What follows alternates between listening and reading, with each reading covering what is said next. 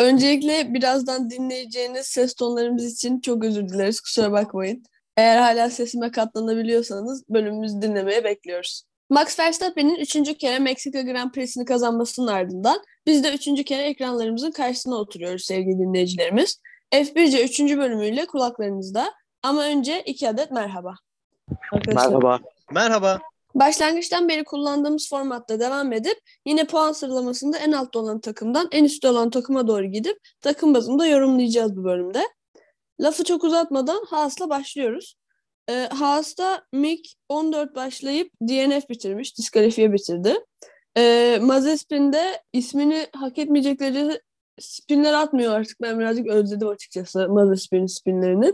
O da Mick'in arkasında 15 başlayıp 18. bitirmiş. Zaten olduğu yerde bitirmiş yani. İki tane diskalifiye vardı. Sonra da Mazepin geliyor. Diskalifiyelerden bir tanesi Tsunoda, bir tanesi Mick'ti zaten. Mick de madem yarışamıyorum falan demiş bari finish bayrağını ben sallayayım e, mantığıyla finish bayrağını Mick sallıyordu en son ben öyle gördüm yani. Komik ve eğlenceli bir görüntü olmuş yani. Çocuk zaten Formula 1'e yarışmak için gelmediğini daha ne kadar iyi ifade edebilirdi bilmiyorum.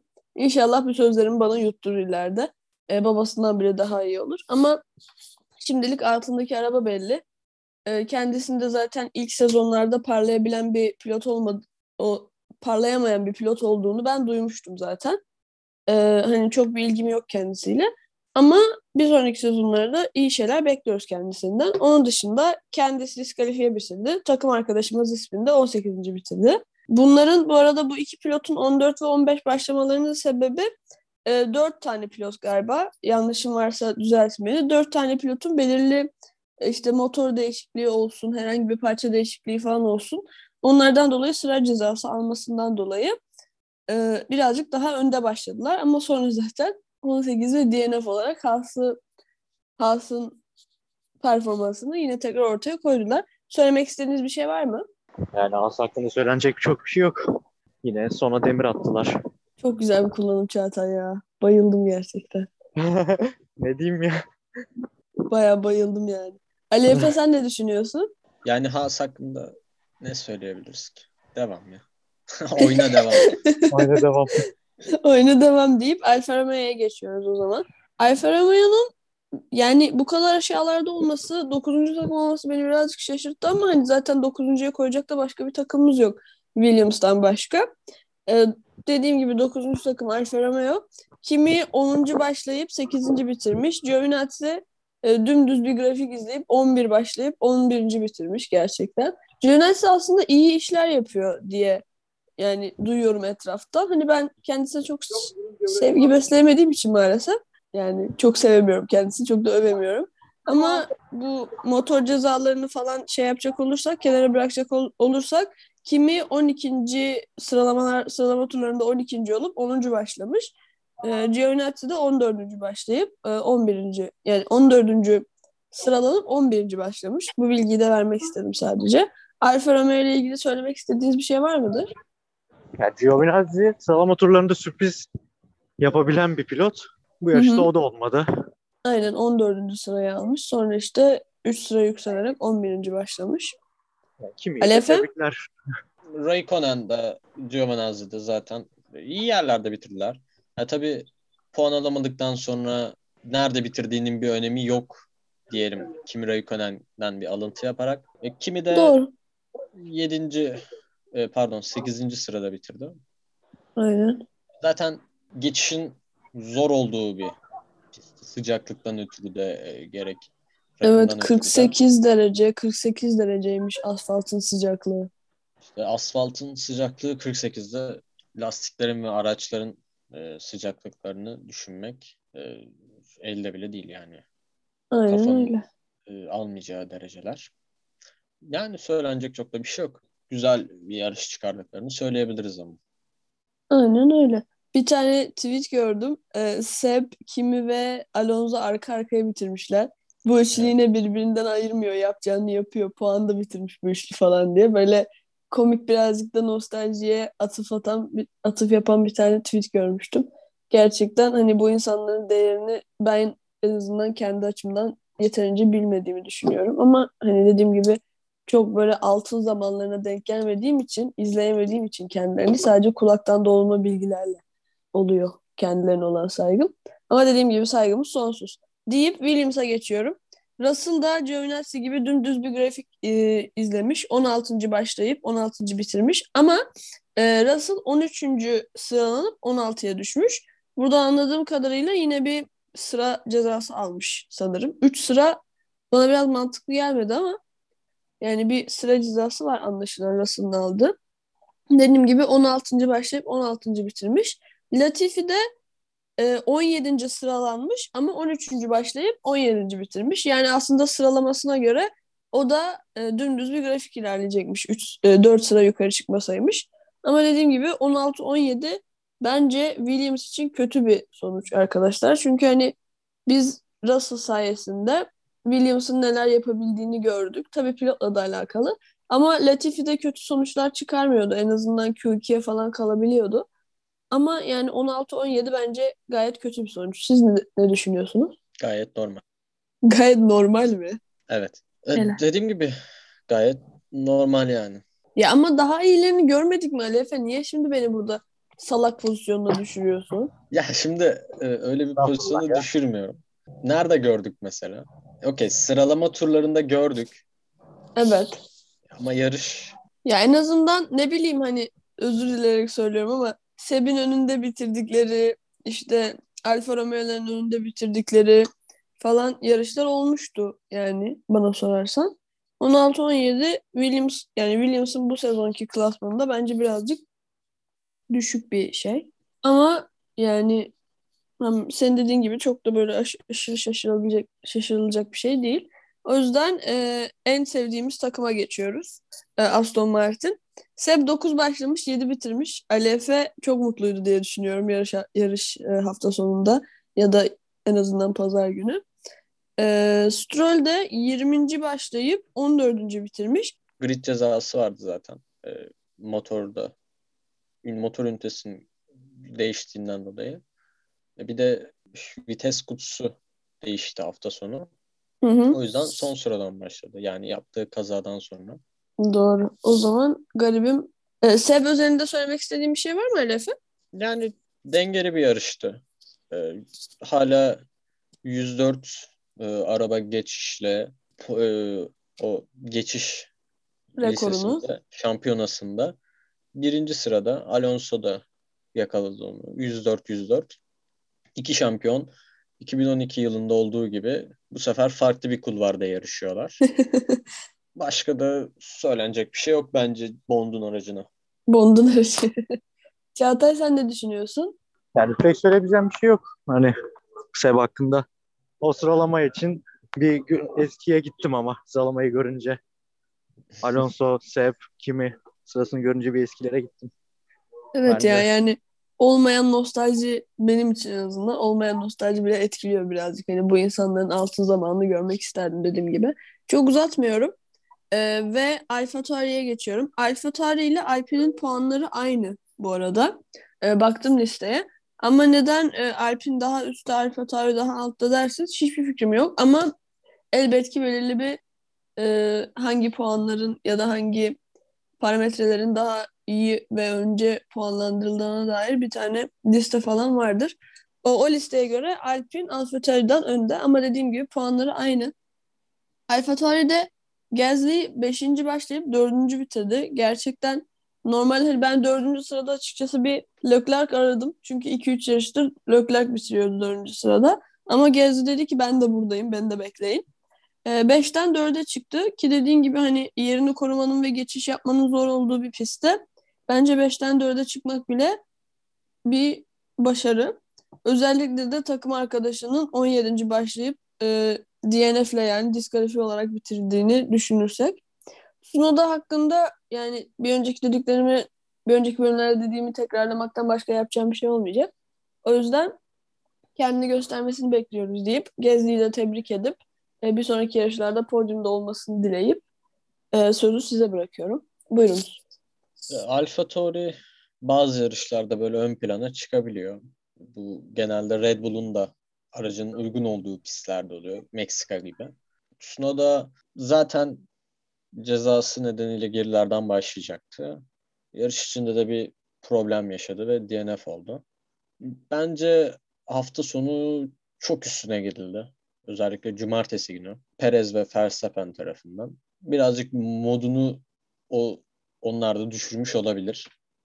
Tam böyle Amerika'da o özgüveni yakalamışken birden iki büyük pilot e, hakkında bir şeyler söyleyince birazcık modu düşmüş olabilir ki orada da yaptığı hiçbir şey yoktu. Yani Red Bull'lar birazcık bahane suçu atacak birini e, ve günah keçisi olarak Tsunoda'yı ilan ettiler. Biraz öyle bir durum oldu. Onun dışında iyi gidiyor. Yani büyük ihtimal e, Brezilya'da da ön planda olacaktır Alfa Tauri. Bakalım. E, Alpine'le ilgili konuşacak olursak Alonso 12. başlamış. E, Kimin'in arkasında 9. bitirmiş dediğim gibi. O konuda 19. başlayıp 13. bitirmiş. Yani yine Kimin'in bakış açısından bakarsak 19. 19. başlayıp 13. bitirmek hani ikisi de puan olarak baktığında aynı. Ama o konuda böyle yavaş yavaş sahneye çıkıp diyor ki ben varım. Beni de izleyin falan. Hani öyle çok parlak bir pilot değil bana sorarsan ama öyle çok silik de bir pilot değil. Orta halli demek istiyorum o konuyla alakalı. Ama böyle Alpine takımında sıralamada bu kadar yükseklerde olması e, beni birazcık şaşırttı açıkçası. Çünkü Renault'un geçen sene çok iyi bir performans e, sergilemediğini görmüştük. Yine McLaren'la ve Alfa Tauri ile yani altlarında Alfa Tauri, üstlerinde McLaren olmak üzere bir yarış halindeler. Kendilerine de başarılar diliyoruz. Katılıyorum sana. Ekleyebileceğim fazla bir şey yok bence. O zaman e, en sevdiğimiz takım, bu sefer gerçekten en sevdiğimiz takım olan McLaren'e geçiyoruz. Ricardo 7. başladı. 12. bitirdi. E, Bottas'la olan temasından dolayı hatta ilk turda oyun kanadı olmadan e, bir tur attı falan. Ona rağmen çok da gerilere düşmedi aslında. Çünkü safety car girdi. Safety car Türkçesi ne? Güvenlik aracı. Çünkü güvenlik aracı e, girdi ve pit stop yapmasına olanak sağladı Ricardo'nun. Norris de 18. başladı ve 10. bitirdi. Norris yine sıralama turlarında 10. bitirmiş. Yani o da sırada eğer sıralama turlarında başlasaydık dümdüz bir grafik ilerleyecekti. E, izleyecekti özür dilerim. Ama e, aldığı belirli cezalardan dolayı yine o da 18. başlayıp 10. bitirmiş. Bence en iyi çıkış Norris'in. Yani Gezdi'ninkini saymazsak 5'ten 4'e. Ee, çünkü hani 18 başlamış ve 8 tane insan geçip e, 7 de olabilir matematik. Bilmiyorum şu an çok benim kullanamıyorum. E, 7 tane 7-8 tane insan geçip puanın içinde son puanı bile alan insan bile olsa puanın içinde bitirmiş. Yani bence gerçekten iyi bir duo Ricardo Norris duosu ama Ricardo daha iyi yerlerde bitirebilirdi eğer Bottas'la teması olmasaydı. Sen ne düşünüyorsun Efe? Yani Ricardo Bottas'ı biçti sadece ama Perez'i de biçebilirdi. Bir ceza gelmedi. Ceza gelmediyse iki tarafta ya %50 %50'dir ya da yarış kazası olarak değerlendirilmiştir. Aynen. Komiserler çok el atmak istemediler bu yarış yarışa ve gerçekten hani böyle hiç karar vermediler. Sürekli işte no investigation necessary deyip işin içinden sıyrıldılar. Evet. Yani e, çok da büyük bir şey olmadı zaten. Bir işte ilk turdaki temaslar ve çarpışmalar. Yani Ricardo kaç yedinci başladığı yarışta Bottas'a çarpmasıyla yarış kendini mahvetti. Hem Bottas'ı mahvetti hem kendini mahvetti. 10, 12. mi 11. mi bitirdi? 12. 12. 12 bitirdi. Kötü bir yarış çıktı bizim için. Artık bir sonraki yarışa diyoruz. Ferrari'ye geçiyoruz. Sainz de yine dümdüz grafik izleyen e, pilotlardan bir tanesi. Ne kadar çok kişi dümdüz grafik izlemiş ya. E, başladı gibi Dediğimiz gibi, yani. e, Sainz da 6. geçiş başlayıp olduğu 6. için aslında. bitirmiş. Leclerc de doğru haklısın. Leclerc de 8. başlayıp 5. bitirmiş ki bence bu da önemli bir başarı. Çünkü Ama zaten dediğin gibi geçişin zor iki tane şey. pilot geriye düşmüş oldu. Doğru Bottas poli alıp sonra da 18'e falan düştü. Sonradan çıkamadı oradan garibi. Bottas'a gelince konuşacağız. Yine de en azından e, Ferrari'siyle şeyleri korumaya başlamış. E, sırasını korumaya başarmış. Ve takım arkadaşları arasında Ferrari'de çok e, sık yaşanan bir durum bu. Çünkü birinci pilotların kim olduğunu asla karar veremiyorlar. Takım arkadaşları arasında yine pist üstünde bir çekişme oldu. Sanırım e, Sainz daha Sainz Leclerc'in arkasındaydı ve hani bir ara radyoya dedi ki bunu benim önümden alın ben daha hızlıyım benim pace'im daha hızlı falan şeklinde. Leclerc de durur mu tabii ki vermedi yani yerini. Sonra işte belirli şeyler olmuştur. Kendi aralarında konuşmalar olmuştur. Magazin haberleri falan. Magazin değil de. E, haberler yapılmıştır ama çok şey yapmadım. Ama sonuç olarak sonuçlardan da hani yarış sonucundan da anladığım kadarıyla Leclerc yerini vermemiş Sainz'e. Ha, verseydi ne olurdu bilmiyorum. Belki Gezli'yi geçebilirlerdi. Ama yine Burada de podyumda bitiremezlerdi. Görmek zorundayım. Lütfen. Çünkü e, Leclerc Sainz'a yerini verdi ama Sainz e, tempoyu tutturamadı. Ardından tekrar bir değişiklik yaptılar. Oha ben dedikodu yapmak için yer izlemişim o zaman ya. Kusura bakmayın. Nerem'le izlediysem gerçekten yarışı. Ve ben genelde yarış izlerken başka şeyler de yapıyorum zaten ya. Yani bunu da burada şey yapmış olayım. Kendi Crush falan oynuyorum genelde ama e, Tabii başka de şeylerde. Böyle birazcık da sıkıcı bir yarış olunca da Yani evet şey e, o zaman e, Red Bull'a geçeyim direkt. Şeyden bahsedeyim. Perez Driver of the Day oldu tabii ki. Yani başka bir türlüsü beklenemezdi zaten. Sadece Hamilton'a kızdım. Yine böyle News'un saçma salak atarlanmalarından bir tanesini dinleyeceksiniz. Hamilton'a kızdım. Zaten aralarında 0.5 saniye falan vardı son tur. Adamlık yapıp Perez'e verseydi ikinciliği de adamı daha mutlu etseydi kendi pistinde diye böyle ve şampiyonluğu kaybetseydi. hiç evet. hiç non-professional e, çok non-profesh değil de çok non-professional bir tane yorum yapmak istiyorum. Adama O kendi kadar- pistinde ikinciliği verebilirdi. Ama yani mantık açısından baksanız hiç mantığı yok benim söylediğimin. Ee, Red Bull'da Verstappen üçüncü başladı ve ilk turda böyle muazzam bir geç frenlemeyle ele aldığı birinciliği hiçbir zaman bırakmadı ve birinci bitirdi. Perez de dördüncü başladı. E, Bottas'ın geriye düşmesinden yararlanarak o da e, podyumda üçüncü bitirdi. Babasıyla böyle yarıştan sonra bir yaşadığı duygusal anlar falan var. Ben bu Formula 1 için aile girme olayını seviyorum. Yani Stroll ailesi hariç birazcık. Formula 1 için aile girmesi olayını seviyorum. Yani bu insanların da duyguları olduğunu, insan olduğunu görmek gerçekten mutlu ediyor beni birazcık. O yüzden o da güzel bir sahneydi. Dediğim gibi Verstappen 1, e, Perez 3 bitirdi. Takım olarak Red Bull'la Mercedes arasında sadece 1 puan var. Ama e, pilot olarak Verstappen şu an 312.5 puanda. Hamilton 293.5 puanda. Aralarındaki puan farkı 19 ve e, yani bir yarış galibiyeti kadar fark var. Çünkü bir yarış galibiyeti 25 puan. Ama e, Brezilya'da bir sonraki olacak yarışta Hamilton kazanır ve Verstappen ikinci olursa e, Verstappen yine de turnuvada birinci. O yüzden gerçekten e, Max böyle sağlam adımlarla şampiyon şampiyon olmaya doğru gidiyor ve bize de geçen dönem sizin söylediğiniz gibi Ali Efe e, o sene bu sene mi dedirtiyor gerçekten.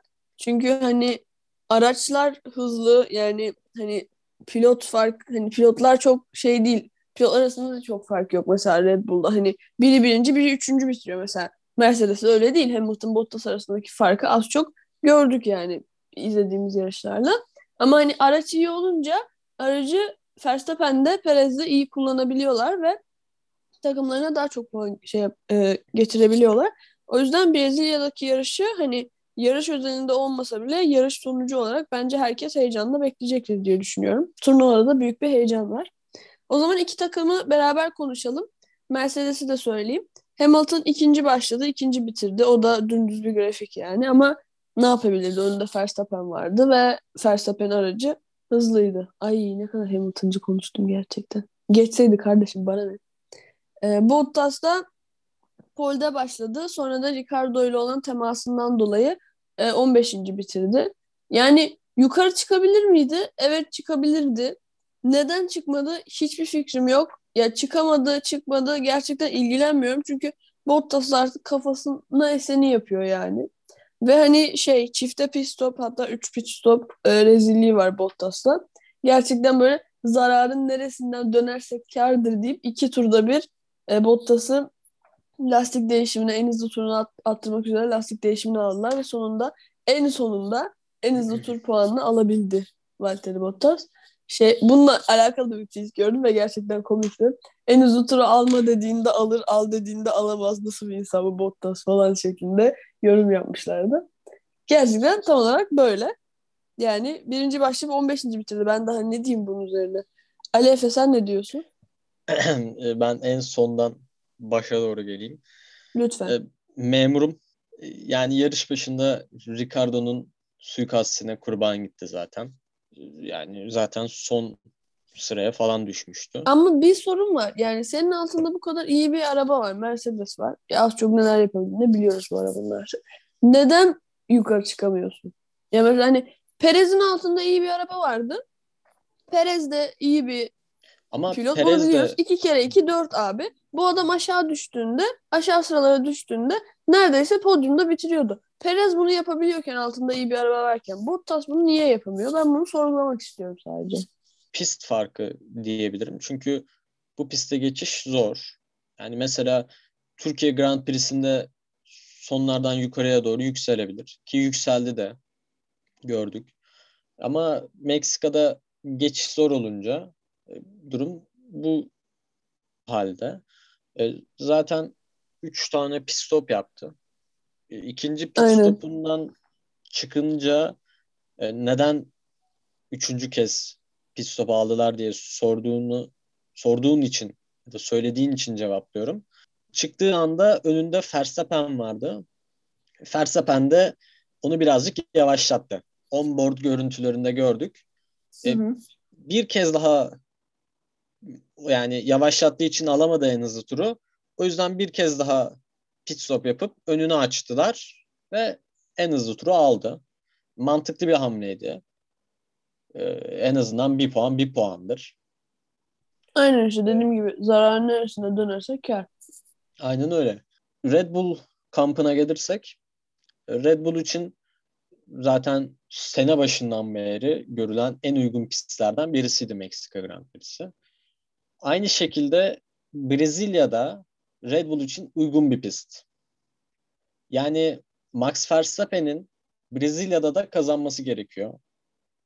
Eğer ki Lewis Hamilton kazanırsa Brezilya'da bir şekilde Katar ve Abu Dhabi'de Mercedes'e uygun pistler olduğu için şampiyonluk Verstappen'den gitmiş olabilir. O yüzden Brezilya çok e, önemli.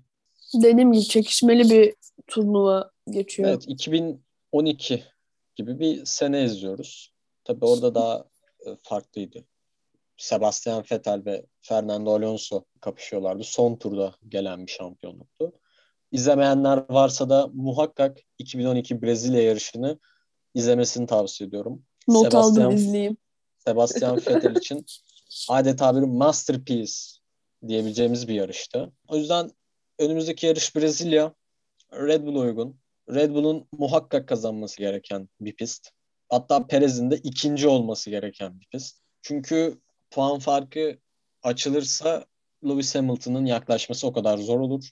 Tekrar tekrarlıyor olacağım belki ama Katar ve Abu Dhabi Mercedes için uygun pistler. Yani Lewis Yani Hamilton aslında son yarışa da kalabilir dediğin gibi. muhakkak kalabilir. Brezilya'da kazanmaya bakıyor her şey. Tam hesap yaparsak ne olur bilmiyorum. Hani Brezilya'yı Verstappen kazandı. Lewis Hamilton ikinci oldu. İki yarışı Hamilton kazandı. Verstappen ikinci oldu. Durumunda ne olur bilmiyorum puan durumu. Kim şampiyon oluyor hiçbir fikrim yok. Sadece söylüyorum. Keşke buna baksaydım. Neyse. Yani durum bu. Ee, Ben de Instagram hesabımdan bir oylama yaptım. Çoğu kişi o sene bu sene dedi. Ben de o sene bu sene dedim. Bakalım Ben de göreceğiz. O oynadım. senenin bu sene olmasını çok isteriz. Hem bu dönem bitmeden yani hibrit dönemi bitmeden farklı bir takım şampiyon olursa hoşumuza gider. Evet Red güzel Bull olur. Çok daha hoşumuza gider. Hmm, Bakalım yani merakla bekleyeceğiz. Ee, ara da yok zaten. Bu hafta sonu yine yarış var. Aynen. Triple header. Üç tane yarış üst üste. Aynen İlki öyle. Brezilya, e, pardon ilki Meksika'ydı. ikincisi Brezilya. Üçüncüsü de Katar. Katar. Aynen. Ardından yine ara var ve Abu Dhabi ile bitireceğiz. Brezilya ve Katar çok belirleyici iki pist olacak. Dediğin gibi biri Red Bull'un biri de e, Mercedes'in iyi Mercedes'in olduğu pistler. Aynen. pistler. Aynen öyle. O zaman e, bir sonraki bölümümüzde Brezilya Grand Prix'sini konuşmak üzere biz size veda ediyoruz. Daha fazla sesimle size işkence etmemeye karar verdim. Ali Efe'nin güzel yorumlarını, benim de saçmalamalarımı dinlediğiniz için teşekkür ederiz. Bir sonraki bölümde yine en sevdiğiniz trio olarak görüşmek üzere. Yakınca kim sonu 2M ile adresinden de bize istediğiniz zaman ulaşabilirsiniz. Haftaya görüşmek üzere. Hoşçakalın.